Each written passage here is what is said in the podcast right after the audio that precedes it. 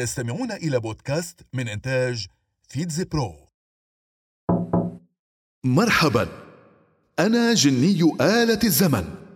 سآخذك في ثلاث رحلات. رحلات في شتى البلاد. حدثت فيها أحداث في مثل هذا اليوم بالذات. 1956 نعم يوم للحزن. وما المشكلة في ذلك؟ هل يجب أن تكون كل المناسبات والاحتفالات الوطنية أيام فرح وسعادة؟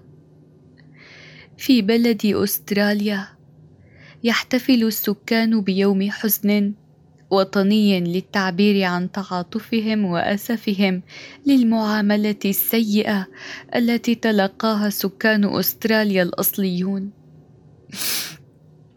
الذين عرفوا أيضا باسم الأبورجيون.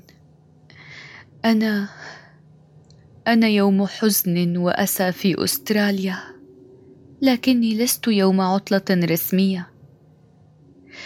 تم تحديدي في السادس والعشرين من أيار مايو كل عام.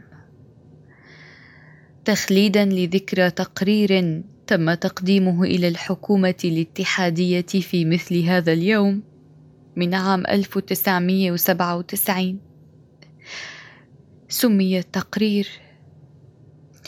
أعيدوهم إلى موطنهم. 1957 ازيكم اسمي علاء الأسواني. أنا طبيب أسنان من مصر. لكني أيضا روائي وأديب وناشط سياسي. رواياتي ترجمت إلى أكثر من سبعة وثلاثين لغة ونشرت في أكثر من مئة دولة. ها؟ كما أنني حزت على العديد من الجوائز الأدبية العالمية في فرنسا وإيطاليا وألمانيا وكندا. لا بد أنك سمعت بروايتي الشهيرة عمارة يعقوبيان التي تحولت عام 2006 إلى فيلم سينمائي وأيضا إلى مسلسل تلفزيوني عام 2007 أما فيما يخص عالم السياسة فقد عرف عني معارضتي لكل الأنظمة الفاشية العسكرية والدينية التي حكمت بلد مصر. لطالما دعيت إلى دولة مدنية ديمقراطية وعلمانية. 1954 هل سمعت بمراكب الشمس؟ هو اكتشاف قمت به أنا. كمال الملاخ. لا ليس اكتشافا فضائيا بل هو اكتشاف أثري هام في منطقة الجيزة بمصر حيث عثرت عند قاعدة الهرم الأكبر هناك على سفينة مصنوعة من خشب الأرز. كانت مفككة ومنحوتة بدقة. عثرت معها على خمسة أزواج من المجاديف. ومقصورة واثنين من زعانف التجديف.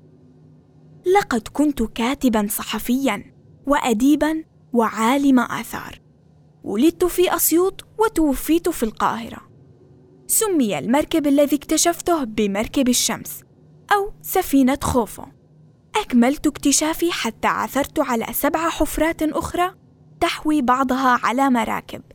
خمسة منها تتبع لهرم خوفو الشهير.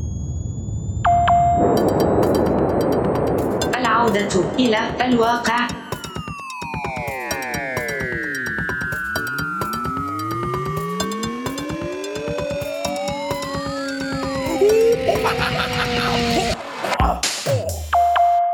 استمعتم إلى بودكاست من إنتاج فيتز برو.